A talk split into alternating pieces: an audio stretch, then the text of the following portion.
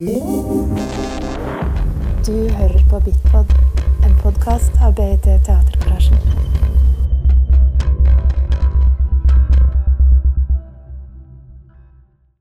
Thank you so much, uh, Sara, for the film. Uh, we're recording the sound from this conversation so we can share it with everybody. yeah, just put it here. Um, as we're in a very relaxed and friendly atmosphere, uh, I think we're gonna just keep the conversation in that manner as well. Um, feel free to ask questions uh, at any point. We have to end at a quarter to eight because the, the show, uh, Unforetold, starts at eight at Studio Bergen. And there's also going to be a new film here, The Shining. so uh, maybe you can just start by uh, just giving a very short uh, introduction about you, your background, and Sara, uh, why you made this film. Sure. Uh, yeah, my name is uh, David Vogt, David Vogt. Uh, I'm a philosopher here at the University of Bergen, and I've written about punishment and uh, alternatives to punishment, restorative justice, uh, and yeah, within philosophy. So about why we why punish criminals, what's the purpose of it, and also about some some of the social justice issues related to punishment. Who is punished, and uh, tends to be people from lower classes, for instance. So a lot of the things there are, are relevant to to uh, to this film, which I enjoyed very much. Just to start to say that, I thought it was very interesting. But uh, before I get into that, you you had a question for her, right? yeah, maybe just uh, for the sake of uh, new listeners, maybe to, to just give a very yeah, brief I'll try to be concise, Yeah. but it's a long story. Yeah. Good evening, everyone. Sorry, I had a cold, but Mhm. how I'm uh, ended up making this film actually is because I did uh, another project in prison in 2013 already, uh, where I collected screams of prisoners, and that was a very difficult process because of the way prison is operating. Especially in Belgium, it's very hard to do anything in prison. Uh, but what happened during these workshops that I was giving there was that the prisoners were talking with me much more than I had expected, and also much more about their crimes and their sentences than I expected. So I felt they were kind of using me as either a kind of a white screen where they could project their stories on, Hmm. or as a judge again. And what I felt very much in these conversations was was exactly this tension between the official justice system and the, the, the sense of fairness of justice inside themselves and how, how these two basically don't um, don't go along very often Hmm. uh, and at the same time i also noticed that the people i was meeting back then in that prison project have nothing to do with the idea we have of prisoners and criminals when we watch mainstream movies or television or when we look at the press uh, the kind of criminals that are pro- portrayed there. So there was also something about the fictionalizing of prisoners and h- how that serves us how that actually helps us as a society to always make the criminal the other uh, like as a stranger. Uh, and that's how i had this idea of doing another project in prison and inviting uh, uh, prisoners to be experts basically to speak as experts and as authors in uh, the, the composition of a scenario for a crime movie because tendency when we look at fiction uh, uh, on crime it's it's written and made by tendency white middle class males who have mm, have no criminal past them. So we don't hear the ones who can actually know we don't hear them speak. So i thought it would be fair to give them the chance to think up the scenario for a crime movie Mhm. so that's kind of the most concise version i can give Hmm. Very interesting. And uh, one of the first things that I thought about when I saw this movie now is that having studied crime and punishment as I have at the university for years, I've read all kinds of books by experts Mm. ab- about these topics, right? And you read all kinds of books about why people commit crimes, uh, etc. But you very seldom hear from the real experts, like like we do in this movie, and from from persons who have experienced leading a, a criminal life, if you can say that, and some of the things or, or ways of thinking. So there's an element of sort of psychology here, the psychology of crime, that I think we have a tendency to uh, simplify too much when in our theories of crime. And like you said, it it's basically normal uh, middle class people who think, what would I do if I uh, wanted to rob a bank or something? I would then do this and that. And that's why we need to have punishments that deter people from doing that. Otherwise, everybody will go and rob a bank, to like put it simply. But the point is, it's a lot more complex than that. The reasons why people commit crimes are, apt to do with things like identity, things like their uh, trauma in, in their childhood, etc. And some of that came out through this movie. I thought that that you could, well, let let them tell for each uh, when when when they create the story about Tom, they can sort of place Tom in these, these situations and then have a, I'd say, more re- realistic way of talking about how Tom would react. Yeah, for that aspect, uh, f- for sure.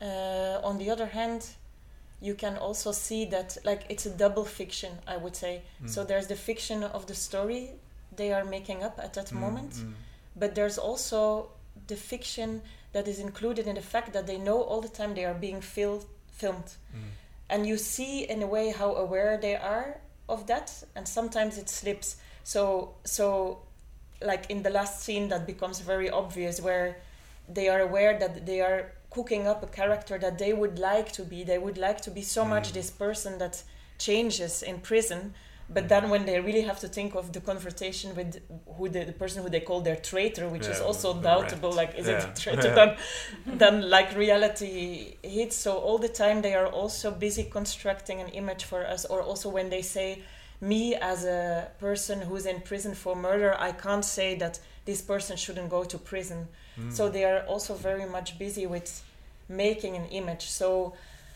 i always say for me fiction, fiction is a very good tool but it's not a tool to, to speak reality but it's a tool to speak truth.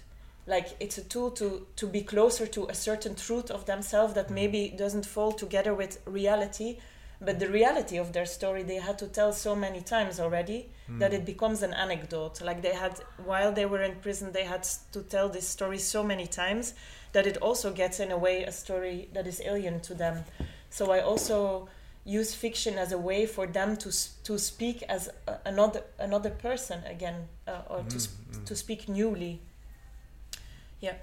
So you could have called the movie "The Making of Truth" in one sense, because it's a making of truth about mm. how crime is or how they felt their crime was, then projected onto this Tom fellow or, or somehow Yeah, it's a yeah. it's in in a way it's a true making of truth about crime that we get yeah here in a different way that we get when we read about it in criminology or something. Yeah, like that. absolutely. And then there are their voices, but there are also many other voices you can notice in that. For for instance, what uh, I see the the film is two years old, but I still see new things every time myself.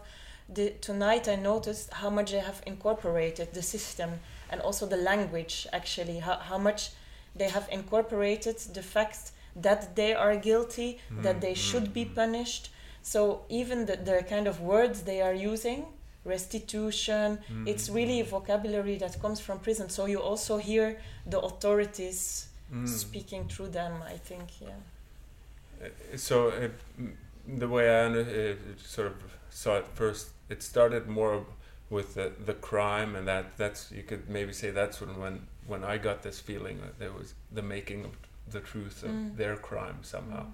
But then you did have the making of the justice too. That came also when they started to talk about what what should then happen? Could this guy be released after after one year? No, no, that's impossible. he couldn't. That was ridiculous. And and they it was interesting that they felt, or one of them said that he couldn't sit there and make this movie that would reflect back on him as if he was saying that murder isn't that bad that that if you're released mm. after one year, as, if he was sort of then uh, somehow uh, suggesting to the world that what he did wasn't that bad. So he was, in a way, making the justice of his own case mm. for being punished longer than one year to, to them. But that's actually where I, I mean, you, you, you told me you were specialized or you've been working on restorative mm, justice. Mm-hmm. So I, I'm, I'm an artist. I, I don't have any background in law, but when I start a new project, I try to do a lot of research. So I yeah. studied like law in the largest sense for, for a while to be able to do this project. Mm. And I got very interested in restorative and transformative justice, which basically, probably you can explain it better, but uh, looks for another way to think punishment rather in terms of reconciliation and crime as some being something that doesn't only happen between a perpetrator and a victim but also something that happens to a, a community mm. at large so of course uh, i'm i mean not of course but uh, I, i'm absolutely not convinced of the prison system as it uh, exists today both in terms of what what what does does this mean for a society that we have this system but also practically it's not functioning we just it just costs a lot of money but it's not helping in any sense so uh, i did read up some of these ideas on restorative and transformative justice and that was like my attempt to mm. to propose that to, to them through fiction mm-hmm. like what what if uh, so so the way I worked was I would go to the prison, propose a script, and they could transform it, change it, alter it, and then I would uh, write it uh, write it on it again with mm-hmm. their input. So every week I would go back with a with their input integrated, and that was really like a no go. Like this idea of going back to society. No, we have to be punished. Yeah. yeah. Hmm. So that were I thought I felt that there were two places uh, in the film where you, you sort of came into this idea of restorative justice. And just to say a little bit about what uh, restorative justice is first, we have that in Norway. We have konfliktrådet, which is an alternative to a regular criminal trial, uh, but only if both the victim and the perpetrator want to do it. So it's a, it's mm-hmm. not something you can do if only one party wants to do it.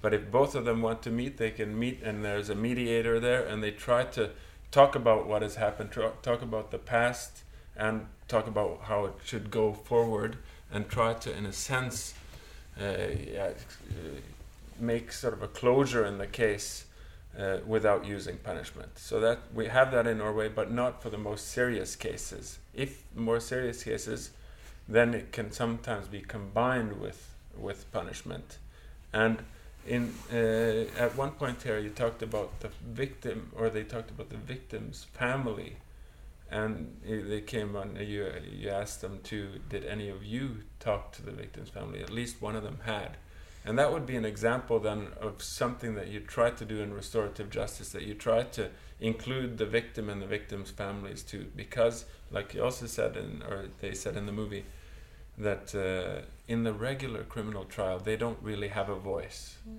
So the regular criminal trial is between the state and the perpetrator, and this idea of restorative justice is to try and take back the conflict. There's a this uh, notion that Nils Christie, the great Norwegian criminologist, he talked about uh, conflicts as property. The state steals the property of the parties, and now we have to take it back and and and have our own and solve our own conflict. That's sort of the idea of restorative justice, and I felt that that came through here. The the the necessity of that, even in a serious case like that, because the victims or the victim's family in this case will often feel that th- that it wasn't sufficient, that the trial wasn't enough. They didn't get all their answers, uh, their their questions answered, and and so having the opportunity to ask questions, even that other guy who didn't actually meet them, but there was a guy who uh, took the questions and then mm. had them answered and took it back. Even that's helpful. And you find that a lot in in less serious crimes too. Some crimes that aren't even that serious. A lot of the time, the victims feel that it's it stresses them a lot. They feel that they were sort of singled out, or that they they feel a lot of terror afterwards, and they're scared. And a chance to ask questions is very important, and that uh, is the idea of restorative justice that I Mhm. think came out here. Um, yeah, I'm babbling a bit, so if you want. Go ahead. It's nice. Uh, okay, I'll talk about the the other point at which the restorative justice bit came up was what you mentioned the the one year thing, right? Yeah. Where you suggested, how about he can uh, be released after after one year? Isn't that enough? Do we have to have these long punishments? And they reacted even uh, to it. They even uh, Yeah, they said that that. I mean, in the in the fictional scenario, he goes in one year, he gets released again, and then he gets twelve year. Mm. And then my question to them was, but then what what makes it different this time? Just Mm. because it's longer. yeah, very and good of question. course, it's yeah. their uh, their their hope again that this twelve year will give them enough insight, and they do a lot Yeah. of therapy, and then they go out. But this twelve year is a very interesting number because in Belgium. The prison system is horrible. They get very long sentences, insane. Like these guys all got, of course, they committed a horrible crime, but they got between 15 years and lifelong, uh, which is very, very uh, long for young guys because most of them got in uh, when they were under 25 still. And uh, so I asked them how long then. And these they named this number 12 year, and I don't know if they said it intuitively or not, but Mm. it's also scientifically proven that that's the number where you can still work on yourself, where it's still senseful to be in prison. Mm, mm, But after that time, you you cannot. You will only degenerate. Like you mm, you you really have uh, incorporated prison, and there's no life outside mm, anymore. mm. So unfortunately, most of them are much longer. Will be much longer than twelve years. Um, Mm. But they they you also feel like I think that that's very important uh, to say indeed like this to to take the case back. I also say they are being in a court case they are being held accountable but not responsible. Mm, So mm. they are and they are guilty for the state, but they have never been able to show their guilt towards the victim. And both the the victim and the perpetrator are being taken away f- uh, responsibility. The victim can only be a victim and nothing else, and the perpetrator cannot be but guilty for the state. But none of them can work, can process. Mm. So they, that's what you hear in the film, they are full of things they want to do actually. Like also they told me that's not in the film, but they would like to do community work. They also understand that maybe they cannot work directly with the victim, but they would like to do something for society. They are Mm. very aware that society is uh, regarding them negatively and they are Mm. pushed out and they want to deserve their place back, even if it's very simplistic. And all that, there's just no means for doing that. So even if they Mm. would want to, there's no way they can do that. So yeah, about the length then. Why twelve years? Why so long? Why could why why isn't four years enough? For instance, it's a it's a question that it's quite difficult to answer. I mean, in when you talk about why punish, then you'll have different answers to that. Some will say if you only had four years, then that's not enough to deter people from committing crimes. People there'll be more murderers. Now that's not scientifically uh, easy to prove anyway. You can prove that punishment has a deterrent effect in itself, but not the length. So if it's four or six years, you can't you can't find any difference. It won't motivate people differently. And you, and like the case here too, it's supposedly a murder. Something goes wrong in a robbery, so it's not something that the robber would think, oh, if I do this now, I might get six years. If it was only four, then I would do it. Like it, that's not how the psychology works. So this idea that we have to have the long sentence because otherwise we'd have more crime, that uh, doesn't really have a basis in any uh, any uh, research. So there must be some other reason then. Otherwise, presumably, if we if we are a rational society, then we'd say, okay, let's have it shorter. Then cost a lot of money, like you said. Why should we have it so long? So it's a difficult question, but I, it has to be something about that the length symbolizes how serious the crime is. Right? But I, th- I think that in the first place, prison is not meant for the criminals. Prison is meant for society. Mm. Like it's a symbol for society. It's Mm. it's it's there as a, a as a warning to say if you behave bad, you end up in prison. But also as a kind of fake reassuring that prison is there and it will it will keep the bad people away Mm. uh, from us. So it's anyway kind of a fake facade. And as you say, I mean, the people who are there are mostly from lower class uh, uh, background.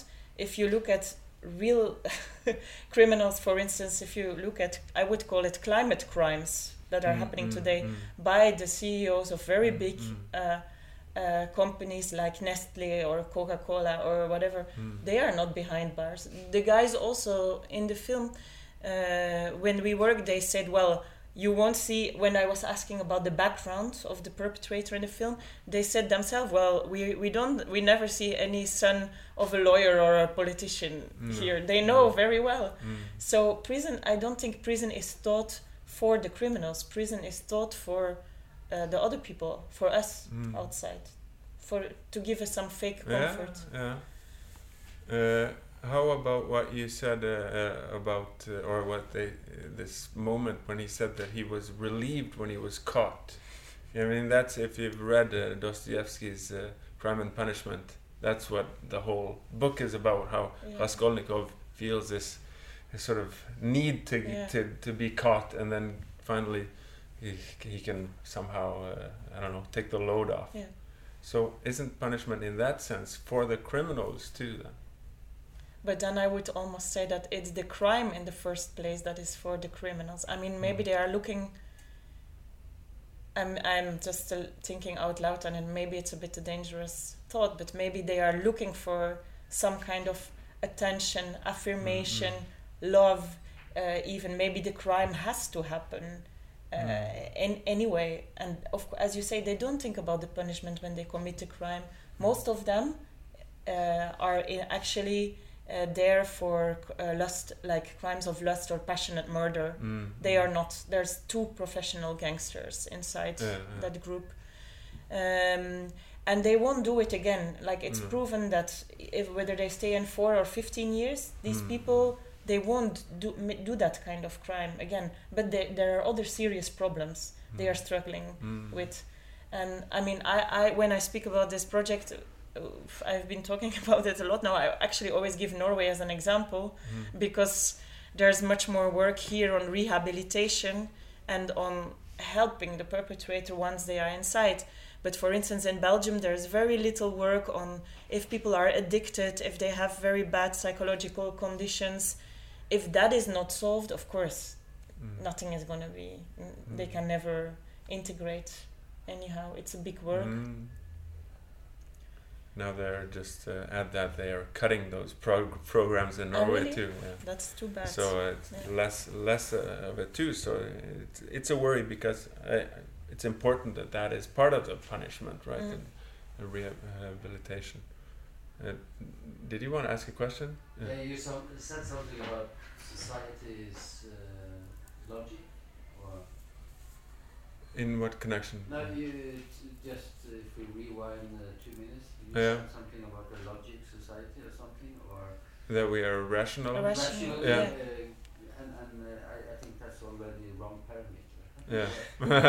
exactly because we are not, we are built on everything else than rationality in many ways. And, Mm. and we see today where the where the partner of justice minis- minister is uh, is uh, interviewed for by our uh, police for uh, trying to blame somebody else's for some serious crimes that ah yeah we would call terror. yeah Um, the frame for her, um, if she's found guilty in this trying to blame somebody else, is one year in prison or a fine. If she managed to do it, the terror uh, threats to these people that she managed to blame would be up to 10 to 15 Mhm. years. Rationality is very interesting every time you talk about crime and punishment. Mm. Mm. Uh, and you also see it combined to drugs versus other stuff. It's uh, not a low. No, no, I, I, I agree that if it depends on what you, of course, what kind of rationality uh, you would say, but in this sort of more calculated uh, utilitarian rationality, then obviously we don't have a rational system. It would be very different if if we wanted to make a system that way. So there must be something else. There must be something about our feeling of closing a case, a feeling of making justice, like your movie is called, right? And that is that rational to want to make justice. In a sense, it is. Maybe it's if maybe that's the most rational thing you can do to try and make justice. But it's not something you can calculate and and uh, as if it's uh, something you can find out that is justice. That is not. It's it's more of somehow the society But responding that- in an yeah, appropriate way or something like that. It- philosophical. Yeah. That's, uh, people are not rational. So uh, one feeling uh, about punishment is revenge. Mm. That's very strong.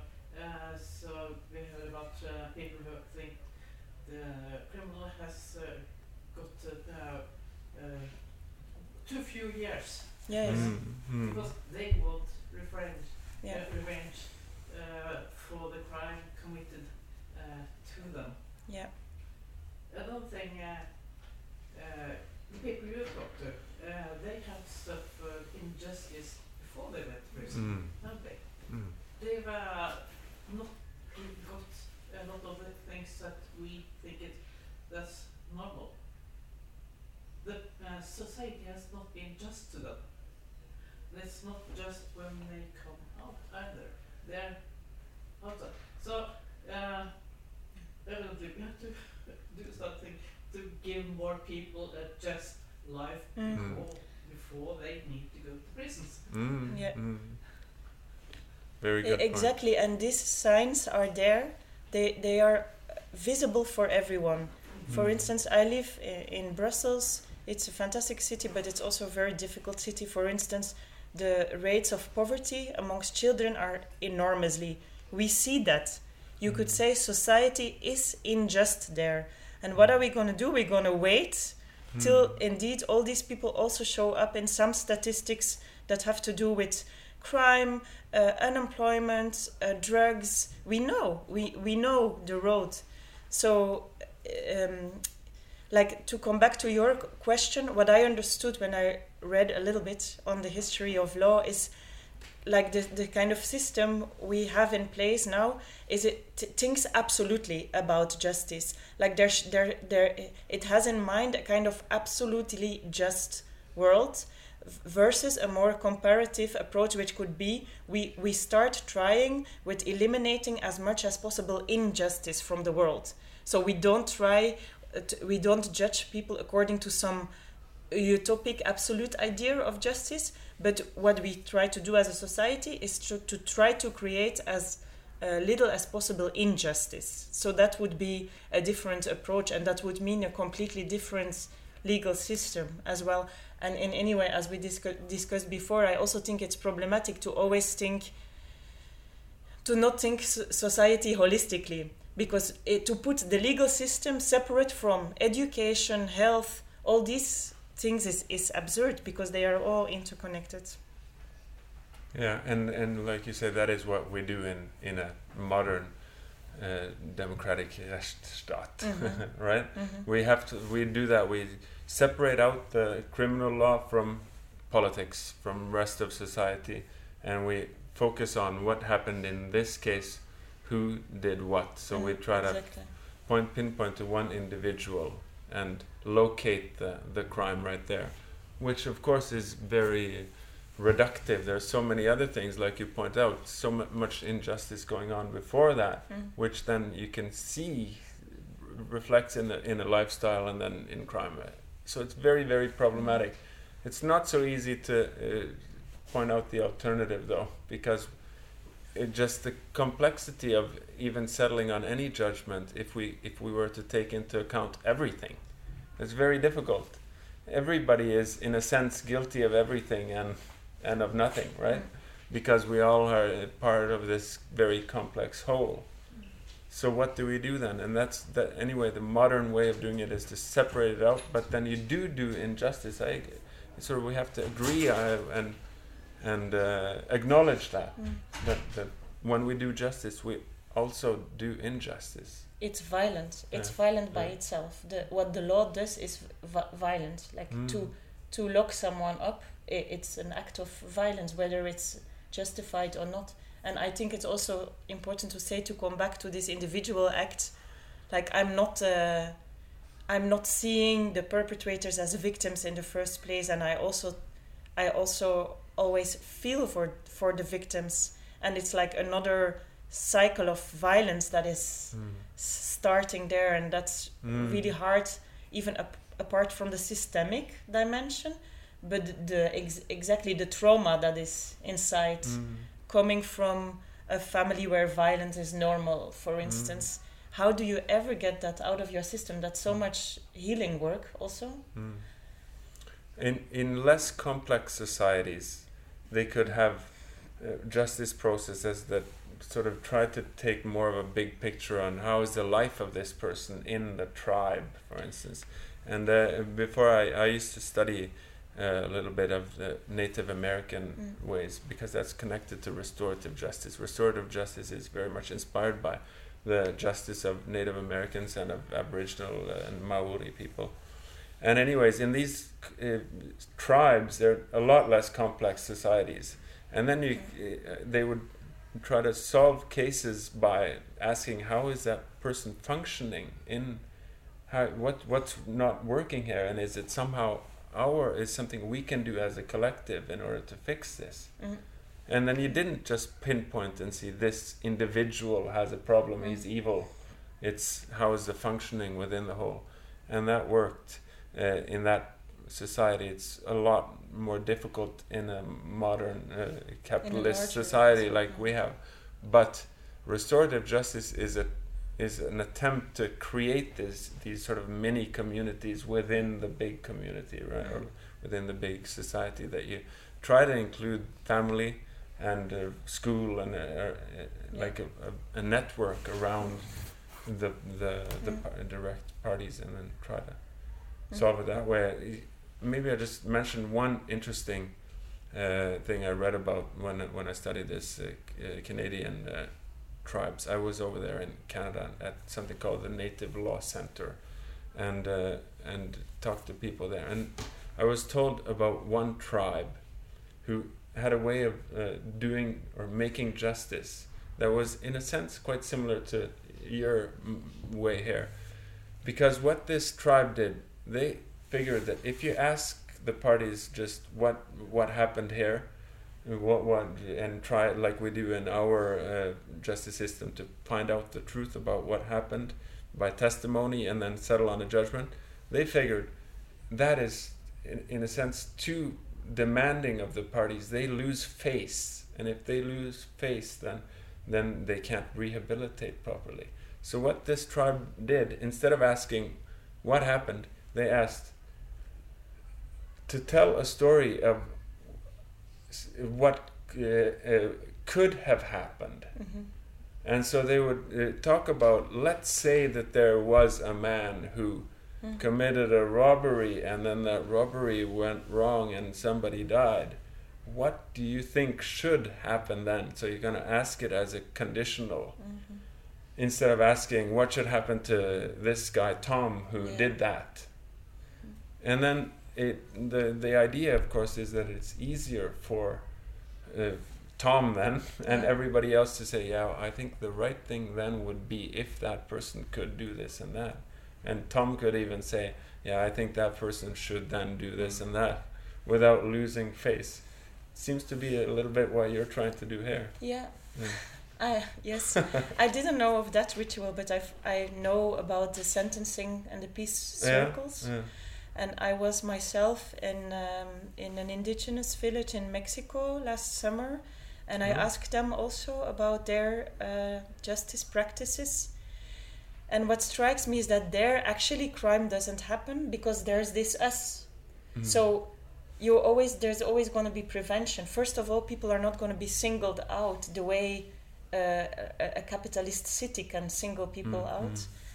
Uh, and then if if if it's if something happens, it's rarely that it's gonna be something of of this degree because it goes in steps and they see it Mm. coming. And I was thinking about this us, like for instance, when the when the terrorist attacks happened in Brussels two years ago, what I observed in the media very quickly was this uh, relief almost to say they were not of us because they were of Moroccan Mm. descent, but they were Belgian. But but to to quickly dis- distance oneself and say like to make this distinction to say they were not from us, and I think Mm. that's like the moment. And you cannot be from us in many ways, like he describes in the end with the story of the dwarf. It's basically saying that Mm. Crime can happen when exclusion happens not only Mm, not mm. exclusively but very often it has to do with some degree of exclusion Mm. uh, that is prior t- to the crime Mm. or a felt exclusion I think you're right, and uh, yeah, and I think that that came out very well in the movie. That that was what they told of of when they s- told about Tom in the beginning too, Mm. uh, and Mm. wh- what his sort of need for fitting in and, Yeah. and things like that. Yeah. Uh, what you said about the Moroccan Belgians reminded me of Lukaku, your great soccer football player. yeah He said that when he when he uh, scores, he's Belgian, and when he misses, they, they, he's uh, Congolese or or something. exactly Right? That's what they, he feels that they that they say. So you're with us and uh, or against us, kind of. Mm.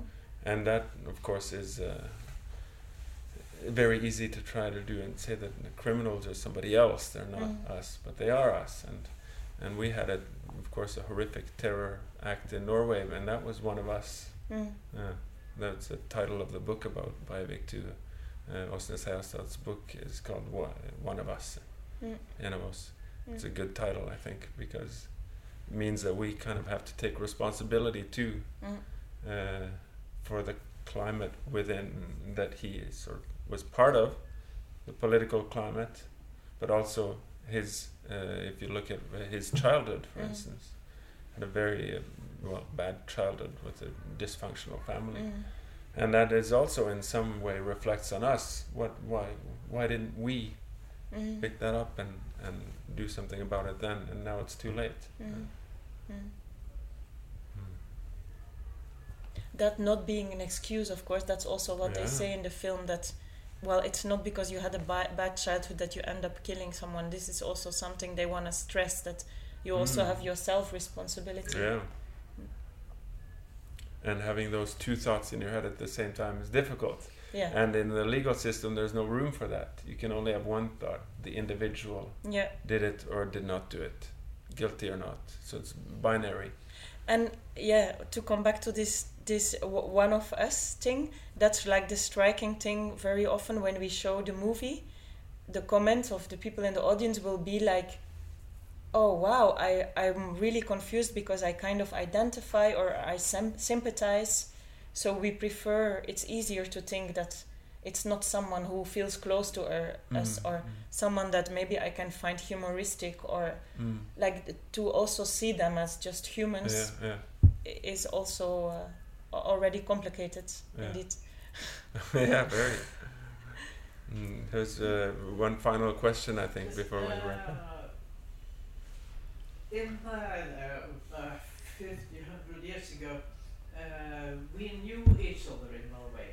We Mm. had a relation to, to our neighbors and we talked to each other. Uh, and I think uh, that gave more responsibility.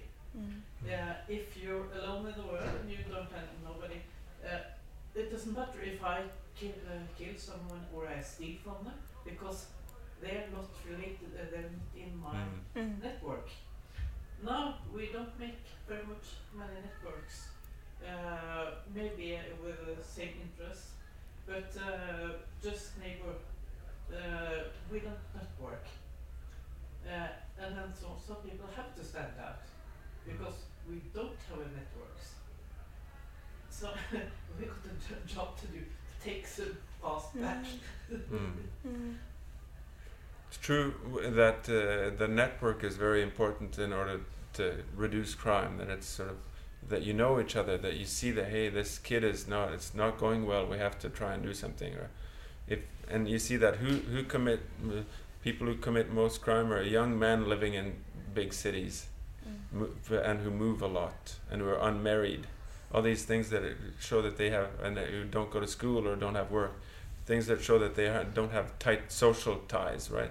The, those are the the that's the group that commits the most crime. So that's certainly true. Uh, what you uh, what you're saying. Although we have to add that crime is actually reduced in, in Norway the last 50 years. So we do have less crime now.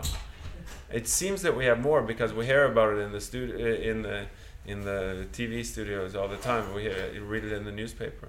But in many ways, it's getting better, and we soon will probably have less punishment too for at least for drug crimes. It's going the right way there too, but it's going perhaps the wrong way in other other. White collar crimes. Yeah, for instance, maybe a little bit higher for that would be good. I feel like the conversation is changing now, that it's kind of uh, moving on to the next level, and then we could just kind of uh, keep, keep on talking.